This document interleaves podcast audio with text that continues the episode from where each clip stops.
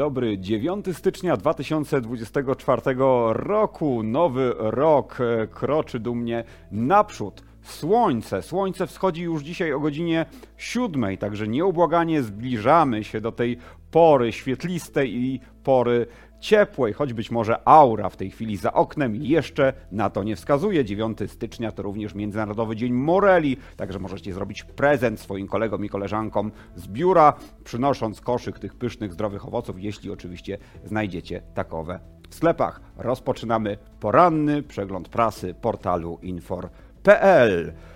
Kto może liczyć na to, że pracując, będąc w wieku emerytalnym, nie będzie płacić podatku dochodowego? Otóż e, dzisiejszy portal infor.pl informuje, że przywilej ten przysługuje wyłącznie osobom, które osiągną ten wiek emerytalny, lecz nie złożą do ZUS-u zawiadomienia, że chcą emeryturę pobierać. E, więcej o szczegółach e, tego PIT-u którego nie będziemy płacić w pewnym momencie życia, na w portalu infor.pl w artykule Zbigniewa Biskupskiego. To jest nowość na portalu.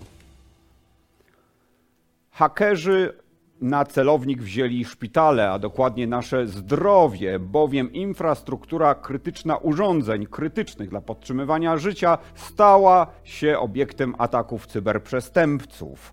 53% technologii medycznych według badania e, FBI ma tak zwane krytyczne luki, czyli e, takie przestrzenie w całej architekturze bezpieczeństwa, które umożliwiają przedostanie się hakerów e, i zablokowanie jakiegoś urządzenia.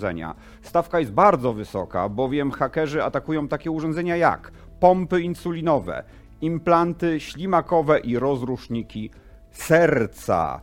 Problem jest też taki, że często szpitale zaniedbują aktualizację urządzeń, e, które mm, odpowiadają za bezpieczeństwo e, szpitalnej aparatury.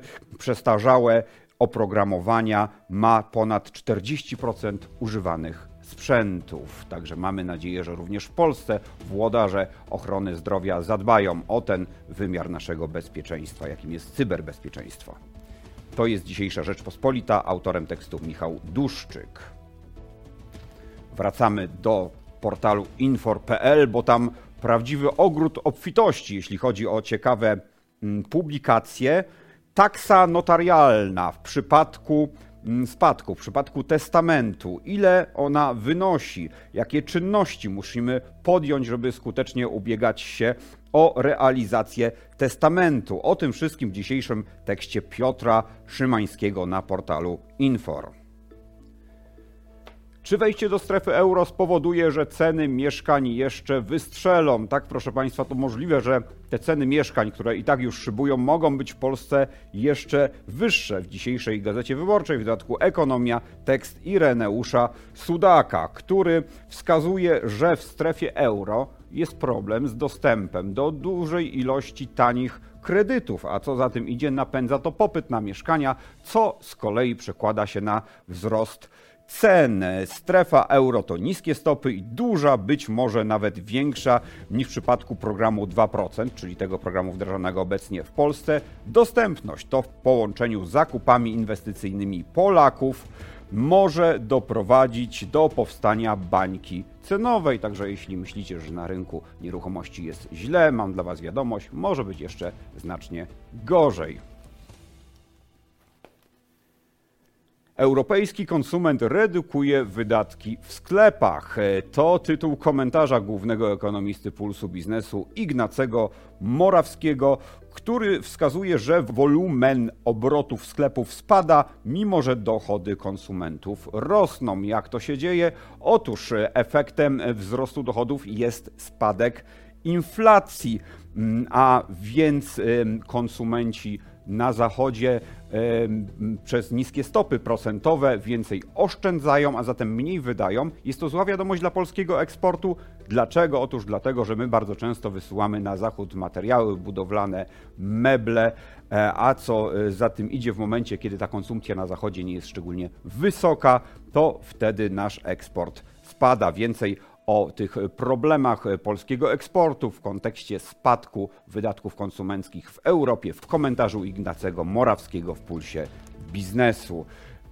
Sonda Europa Clipper wyrusza na podbój Europy, natomiast nie kontynentu, a księżyca Jowisza. E, księżyc ten prawdopodobnie posiada cały ocean płynnej wody pod powierzchnią lodową i właśnie sonda Europa Clipper, która w 2030 roku dotrze do układu Jowisza, będzie wychwytywać pyłki wydobywające się z gejzerów, bowiem Europa jest jednym z niewielu ciał w układzie słonecznym, który posiada właśnie mm, taki układ tektoniczno-geologiczny, że wydobywają się tam pióropusze pary wodnej. Sonda ta będzie sprawdzać, czy w tych pióropuszach znajdują się być może jakieś znaki wskazujące na obecność życia pozaziemskiego. W dzisiejszym porannym przeglądzie prasy portalu Infor to już wszystko. Żegnam się, kłaniam się nisko Piotr Nowak i zapraszam już jutro.